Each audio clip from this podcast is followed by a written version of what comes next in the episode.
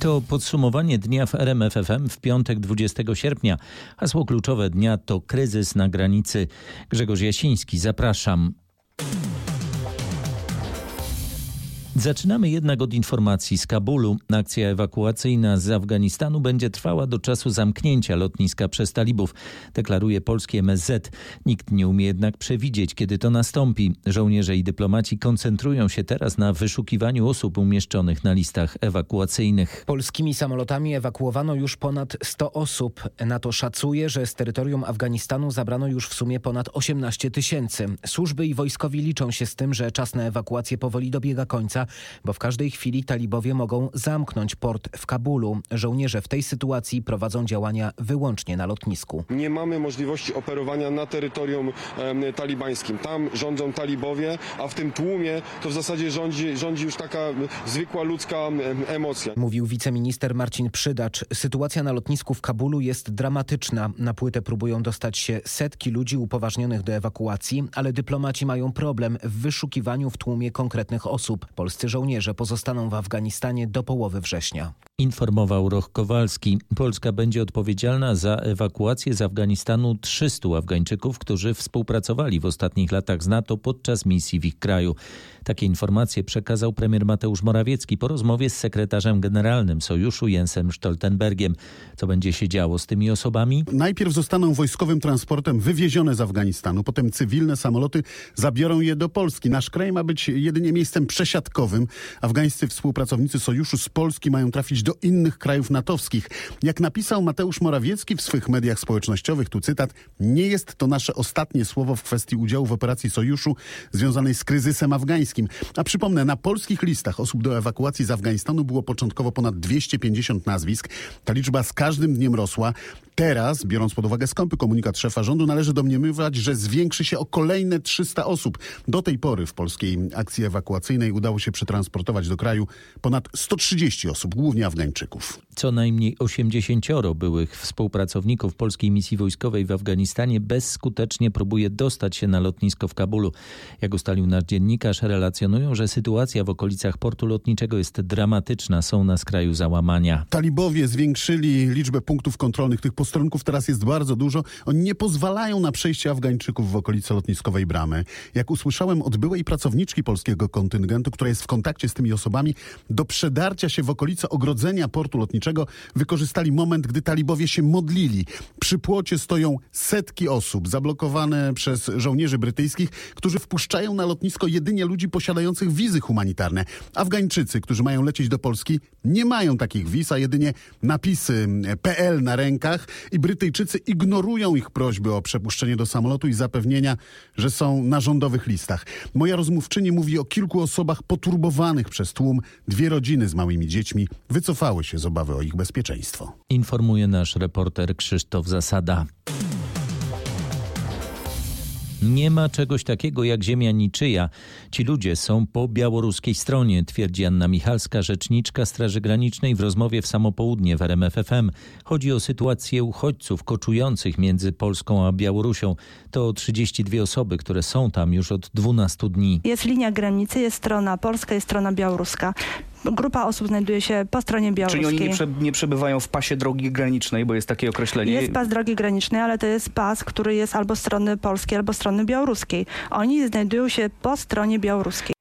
To migracja ekonomiczna, a Polska nie może wpuścić do kraju osób bez dokumentów, mówi wiceszef dyplomacji Paweł Jabłoński. Podkreśla jednoznacznie, że to nie nasz kraj jest winny tej sytuacji, a Białoruś. To nie Polska ponosi za tych ludzi odpowiedzialność, to nie Polska ich tam sprowadziła, to nie Polska próbuje za pomocą tego procederu destabilizować sytuację w Unii Europejskiej.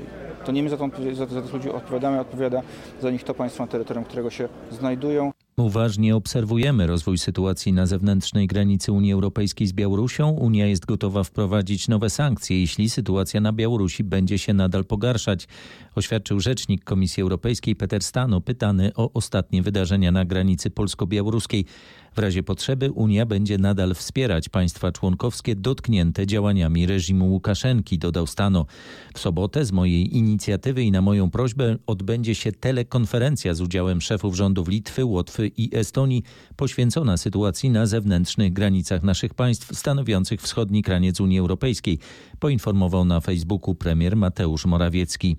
Wszyscy uchodźcy znajdujący się przy polsko-białoruskiej granicy złożyli wnioski o objęcie ich ochroną międzynarodową do polskich władz. Reprezentowali ich działający w ich imieniu prawnicy. Ponieważ służby nie zezwoliły prawnikom na zbliżenie się do migrantów, wnioski zgłaszane były ustnie. Czy państwo polskie może odmówić wszczęcia takich e, procedur i rozpatrywania tych wniosków? W naszej ocenie jako pełnomocników nie ma prawa e, odmówić wszczęcia procedury. Może e, po przeprowadzeniu tej procedury dojść do wniosku, że mm, jakaś osoba na taką ochronę międzynarodową nie zasługuje i wydać w tym zakresie określoną decyzję. Natomiast nie ma prawa trzymać tych ludzi na ziemi, mm, o wodzie i chłodzie, udając, że oni o tę pomoc nie poprosili, bo poprosili i to wszyscy dzisiaj widzieliśmy i słyszeliśmy. Widzieliśmy i słyszeliśmy, ale wnioski są niepodpisane. Czy to w jakiś sposób zmienia tutaj ich wagę? Nie ma konieczności, aby taki wniosek był złożony na piśmie.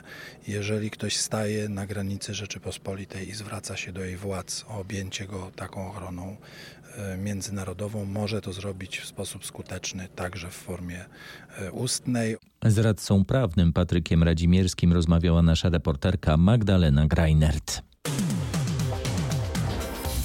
Zmieniamy temat. Przez kilka lat krakowska kuria ukrywała fakt, że jeden z księży molestował seksualnie niepełnosprawną starszą kobietę. Do tych szokujących informacji dotarli reporterzy śledczy RMFFM.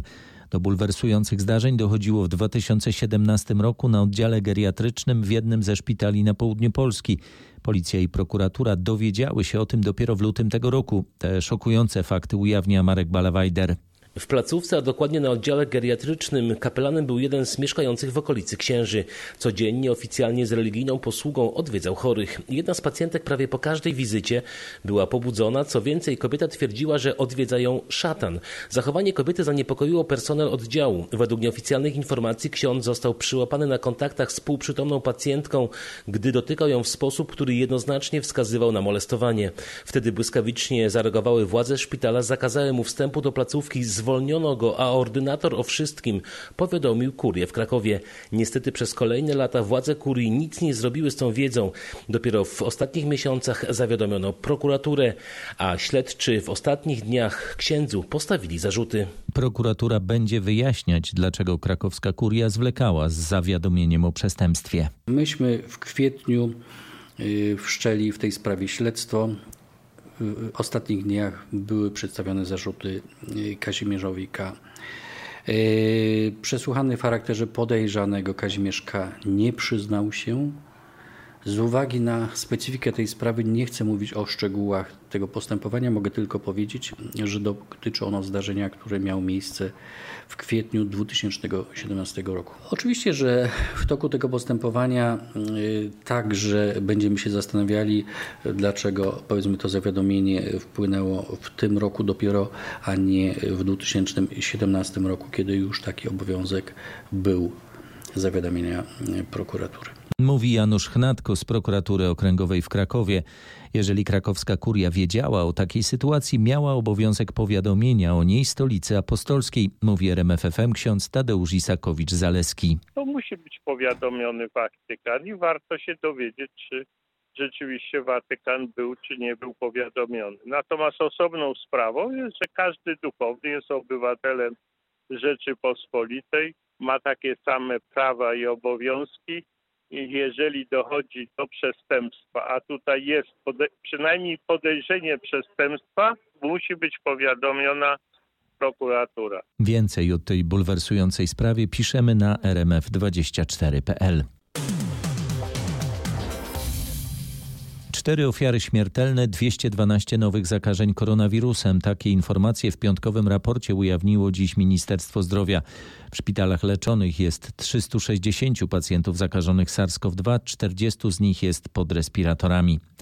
Na razie mamy względny spokój, ale powinniśmy obserwować, co dzieje się u naszych zachodnich sąsiadów. Tak możliwość przyjścia ewentualnej czwartej fali koronawirusa komentuje neurochirurg dr Łukasz Grabarczyk, który pracował na oddziale covidowym w Olsztynie. Teraz w okresie wakacyjnym mieliśmy względny spokój. Ja na oddziale covidowym przeżyłem tą, można powiedzieć, falę, tą tak zwaną trzecią, czy można powiedzieć brytyjską falę. E, pracując na oddziale covidowym, no było bardzo, bardzo ciężko. E, w czerwcu udało nam się zamknąć oddział covidowy w szpitalu uniwersyteckim. W tej chwili zachorowań jest mało. No, niepokoi to, że troszkę jakby e, przyrosty się pojawiają. One nie są jakieś duże. Rzeczywiście te dane, które mówią o wariancie delta, czy nawet o kolejnych wariantach, które się pojawiają, one są takie no, bardzo niepokojące. Na razie w Polsce jest względny spokój. Chciałbym, żeby to się utrzymało. Namawiam wszystkich do tego, żeby się szczepili, ponieważ w punktach szczepień niestety osób jest e, bardzo mało. To jest bardzo potrzebne, no bo inaczej e, nie zapanujemy nad e, wirusem. Liczmy na to, że fala nie przyjdzie. Obserwuję kraje zachodnie, bo takie odczuwam takie wrażenie jest, że jednak jak patrzymy na zachodniej granicy, to zwykle jest tak, że to co się dzieje u nich to do nas przychodzi. Liczę na to, że pandemia się nie rozwije w Polsce, no ale to jest, mam nadzieję, że to nie jest tylko myślenie życzeniowe. Już jutro w Krakowie nad Wisłą specjalna akcja szczepień przeciwko koronawirusowi. Zaszczepić będzie się mógł każdy chętny jednodawkowym preparatem Johnson Johnson. Nie potrzeba wcześniejszej rejestracji. Każdy, kto się zaszczepi w ramach tej akcji, będzie mógł skorzystać z darmowego rejsu statkiem po Wiśle. Trudno sobie wyobrazić ciekawsze, piękniejsze i ważniejsze dla Polski miejsce, czyli szczepienia na królowej polskich rzek Wiśle. Ja myślę, że atrakcja dodatkowa, czyli podróż barką po, po Wiśle powinna zachęcić nie tylko mieszkańców Krakowa, ale Małopolski, pewno też innych regionów kraju, czyli przy okazji spędzenie weekendu w pięknym, historycznym mieście, w dawnej stolicy Polski i połączone po prostu z ochroną swojego zdrowia, swojego życia i ochroną swoich bliskich. Mówił Grzegorz Biedroń, prezes Małopolskiej Organizacji Turystycznej. Szczepienia w sobotę między 9 a 15 i w niedzielę między 9 a 17. Miasto Kraków także zaprasza wszystkich chętnych, w tym rodziców z dziećmi, do skorzystania z weekendowej akcji szczepień. Warto o tym pamiętać, zwłaszcza, że już wkrótce początek roku szkolnego, zachęca Elżbieta Kojs-Żurek, dyrektor Wydziału do Spraw Społecznych Urzędu Miasta Krakowa. Wszyscy mogą się zaszczepić, natomiast jeżeli chodzi o dzieci w wieku od 12 roku życia wzwyż, dodatkowo tutaj będzie lekarz pediatra w każdym punkcie, będzie to robione w sposób bardzo bezpieczny, także myślę, że nie ma czego się obawiać, tylko trzeba podjąć decyzję i dzieci zaszczepić. W ramach tej akcji zaszczepić się będzie można m.in. w Parku Jordana, gdzie jeszcze sprawdźcie na rmf24.pl. Można połączyć przyjemne z pożytecznym i podczas spaceru skorzystać z porad lekarzy. Już jutro w popularnym wśród mieszkańców Śląska Parku w Świerklańcu powstanie Miasteczko Zdrowia organizowane przez 18 szpitali marszałkowskich. Zaplanowano spotkania z wieloma specjalistami, m.in. kardiologami, okulistami czy ortopedami. Spotkania z chirurgami, neurochirurgami, z rehabilitantami, z pulmonologami. Również będzie można zbadać się w kierunku HIV, jeżeli chodzi o kwestię depresji na przykład. Też będzie można porozmawiać z psychiatrami i psychologami. Jest to bardzo, bardzo ważne, szczególnie po półtora roku trudności z uzyskaniem porad specjalistycznych. Będzie można też zaszczepić się przeciwko COVID-19, dodaje Izabela Domagała z Zarządu Województwa Śląskiego. Plenerowe Miasteczko Zdrowia będzie dostępne jutro od 12 do 18. Polska odsprzedaje szczepionki Wietnamowi. Dzisiaj 500 tysięcy dawek, a w kolejnych transzach w sumie ponad 3,5 miliona. To zapotrzebowanie, te zamówienia właśnie z naszych e, rodzimych szpitali e, spada.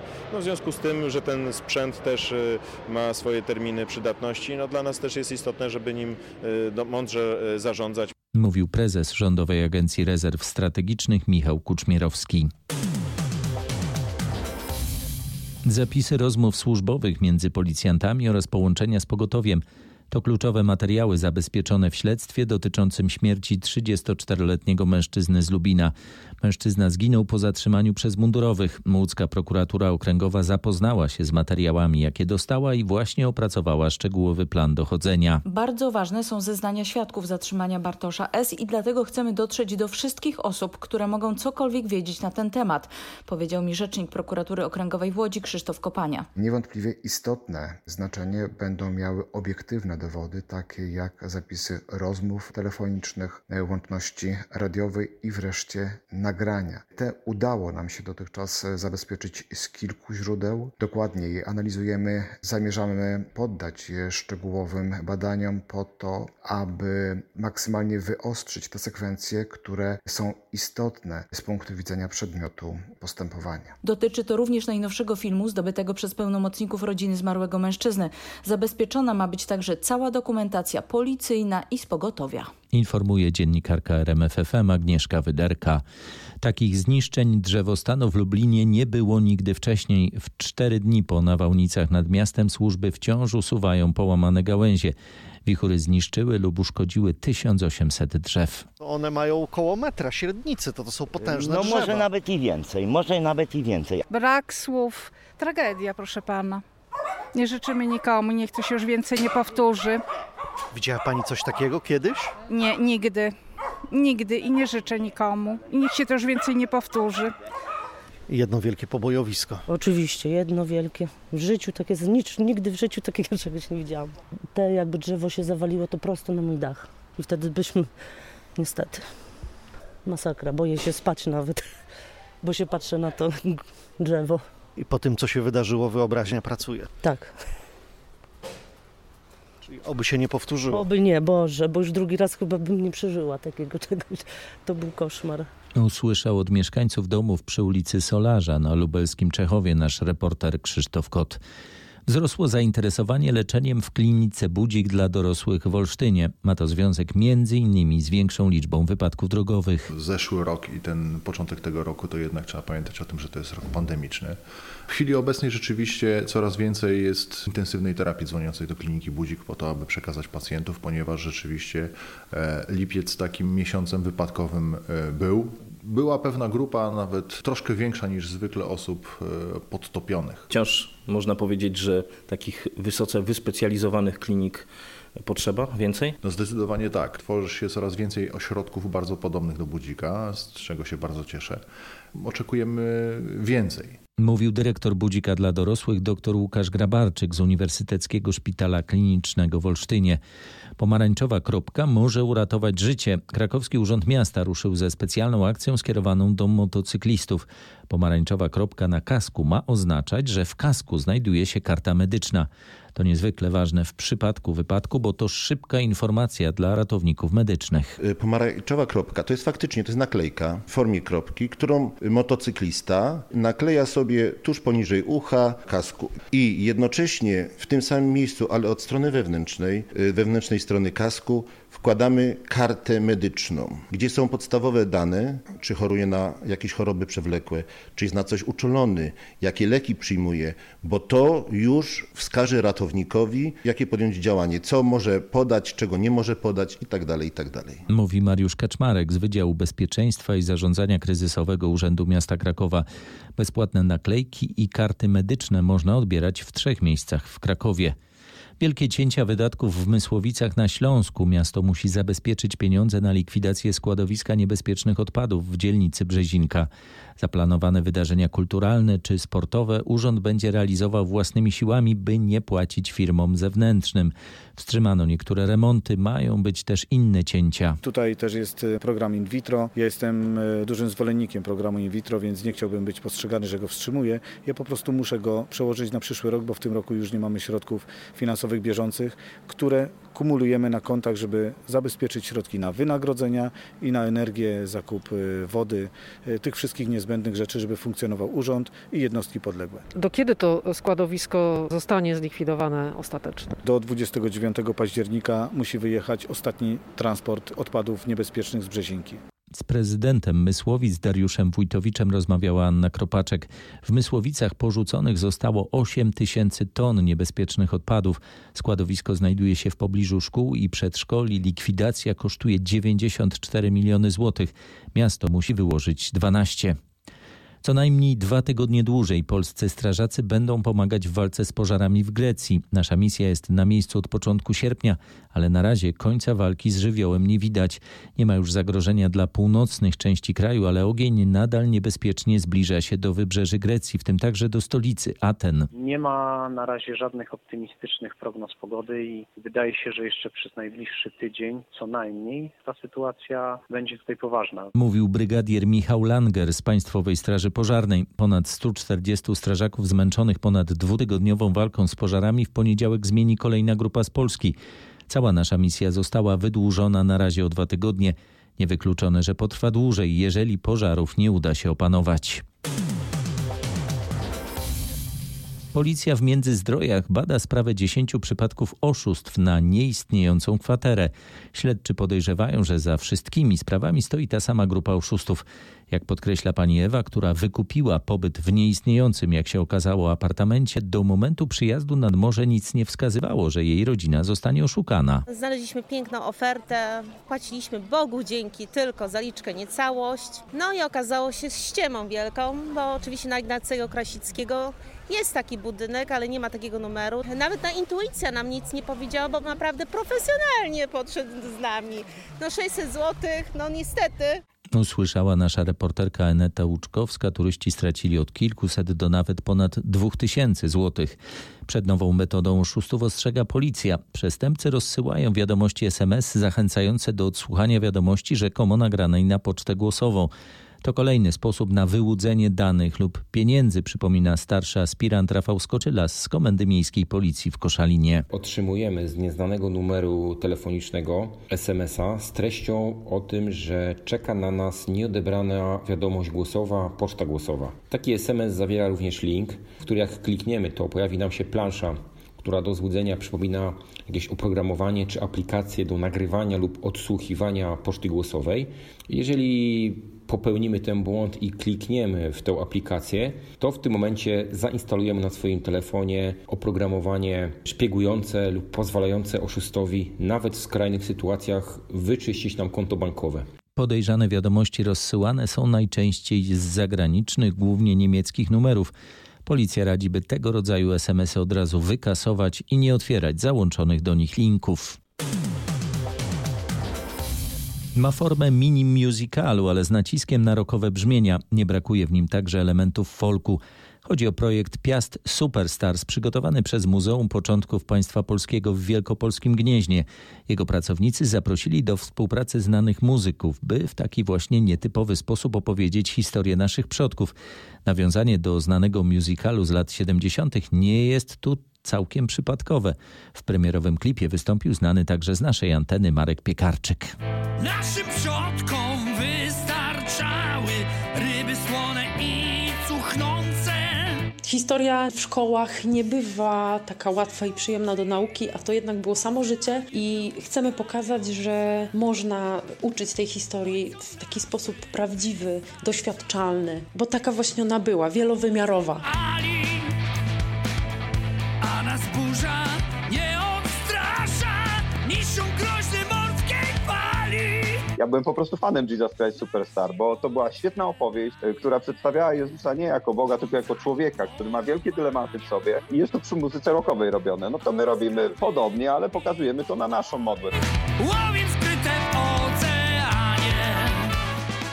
Mówili nam Ewa Pitura z zespołu Percival, również zaangażowana w projekt i jego pomysłodawca Michał Pilas z Gnieźnieńskiego Muzeum. Śpiewał Marek Piekarczyk. Ten wyjątkowy teledysk zobaczcie na rmf24.pl. 15 załóg z całego świata w czasie weekendu rozpocznie w Polsce rywalizację w międzynarodowych zawodach balonowych o Puchar Gordona Beneta. Ostatnie przygotowania trwają w Toruniu na lotnisku Aeroklubu Pomorskiego. O tym, jak wygląda taka podróż, nasz reporter Michał Dobrołowicz rozmawiał z jednym ze zwycięzców, pilotem Jackiem Bogdańskim. Co się je w koszu, na wysokości, w balonie? My mamy taki opracowany patent amerykańskich e, racji żywnościowych. Dwa dni można na tym wytrzymać, więcej chyba bym nie dał rady. sucha kiełbasa, czekolada. W zasadzie je się bardzo mało, dużo się pije. Y, Woda? Woda, tak. Pijemy wodę i to Taka zwykła, niegazowana? zwykłą niegazowaną, dlatego że gazowana no, rozpręża się im jesteśmy wyżej. Zdarzało nam się, że rozerwało nam butelkę i to był potworny stres, bo nie wiedzieliśmy, czy to przypadkiem balon nam nie pękł, no ale, ale wszystko było ok. Start rywalizacji, jeśli pozwoli pogoda, w sobotę. W Myślenicach trwa święto pomagania i radości. Mieszkańcy i przyjezdni wspólnie tańczą w rytm przebojów największych obecnie gwiazd i zapełniają puszki wolontariuszy. Podczas tegorocznego Smyk zbierane są pieniądze na leczenie trójki ciężko chorych dzieci.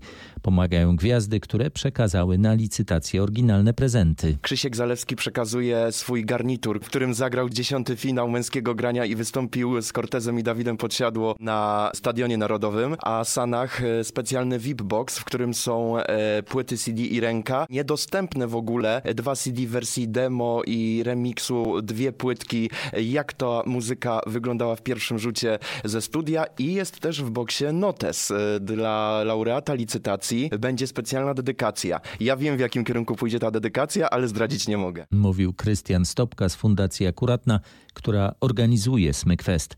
Co na licytację przekazał skoczek Kamil Stoch, a co biegaczka Joanna Jóźwik? Sprawdźcie na rmf24.pl. Mamy nowy rekord świata. Rekord świata w tańcu zbójnickim. Pobito go podczas trwającego w Zakopanem Międzynarodowego Festiwalu Folkloru Ziem Górskich. Zatańczyło ponad 200 zbójów. Jest to taniec, którego uczymy się w sumie od małego, więc dziś mi się dobrze go do, e, bo ten taniec umiemy dość dobrze, ale wymaga na pewno pewnej sprawności fizycznej. Bardzo dobrze poszło. Ponad 200 osób było. Czyli rekord świata jest. Oczywiście. Najwięcej zbójów jest na równi kropowej Zgadza się, nieważne jak byli odziani, czy po zbójnicku, czy po cywilnemu, czy po cepersku, jak to się mówi. Ważne, że chcieli coś zrobić i to się liczy. Liczy się dobra wola, e, potrzeba i chęć wsparcia innych. Tak bito rekord na Górnej Równi Krupowej. Impreza połączona była z akcją charytatywną. Uczestnicy zbierali datki na zakopiańskie hospicjum Jezusa Miłosiernego. Rekordowe z pożytecznym połączone podczas festiwalu folkloru ziem górskich. Niestety nie ma co liczyć na powrót lata w najbliższy weekend w Tatrach. W górach już coraz mocniej czuć jesień i jesienną temperaturę. Na szczytach raczej kilka niż kilkanaście stopni. No sądzę, że krótkie spodenki to już albo na dno plecaka, albo można zostawić w domu i rzeczywiście przygotować się na niskie temperatury, wiatr i wszystko co złe, a nie na to co dobre. W ostatnią środę mieliśmy powyżej 2000 metrów opady przelotne, ale jednak śniegu. No wiadomo, że każdy opad y, czyni skałę dużo bardziej śliską i wtedy należy elastycznie dopasowywać swoje plany do warunków, nie pchać się za wszelką cenę wyższe partie gór, strome, eksponowane, przepaściste. Przestrzega ratownik dyżurny TOPR Piotr Konopka. No to jeżeli nie góry, to może Mazury. Rejs po szlaku Wielkich Jezior Mazurskich. Jeśli zorganizujecie go teraz, można zaoszczędzić. Ceny wybranych czarterów są już niższe w porównaniu z wysokim sezonem i bez trudu można znaleźć wolny jacht. Dzisiaj jest jeszcze dosyć chłodno, ale to co bardzo ważne, to taki komunikat dla osób żeglujących ma bardzo dobrze wiać, więc zapraszamy. Rozmawiałam też przed chwileczką z kapitanem portu w wiosce żeglarskiej Mikołajki i mam informację, że zostały jeszcze wolne jachty na te ostatnie e, dwa tygodnie sierpnia i są one już w tej chwili w trochę lepszych specjalnych cenach. Turystów na Mazurach jest jeszcze cały czas dużo, więc jest gwarno, kolorowo. Na Mazury zaprasza Joanna Durkiewicz z wioski żeglarskiej w Mikołajkach. Tyle na dziś. Kolejne podsumowanie dnia w RMFFM już w poniedziałek wieczorem. Grzegorz Jasiński, dziękuję, dobrej nocy i spokojnego weekendu.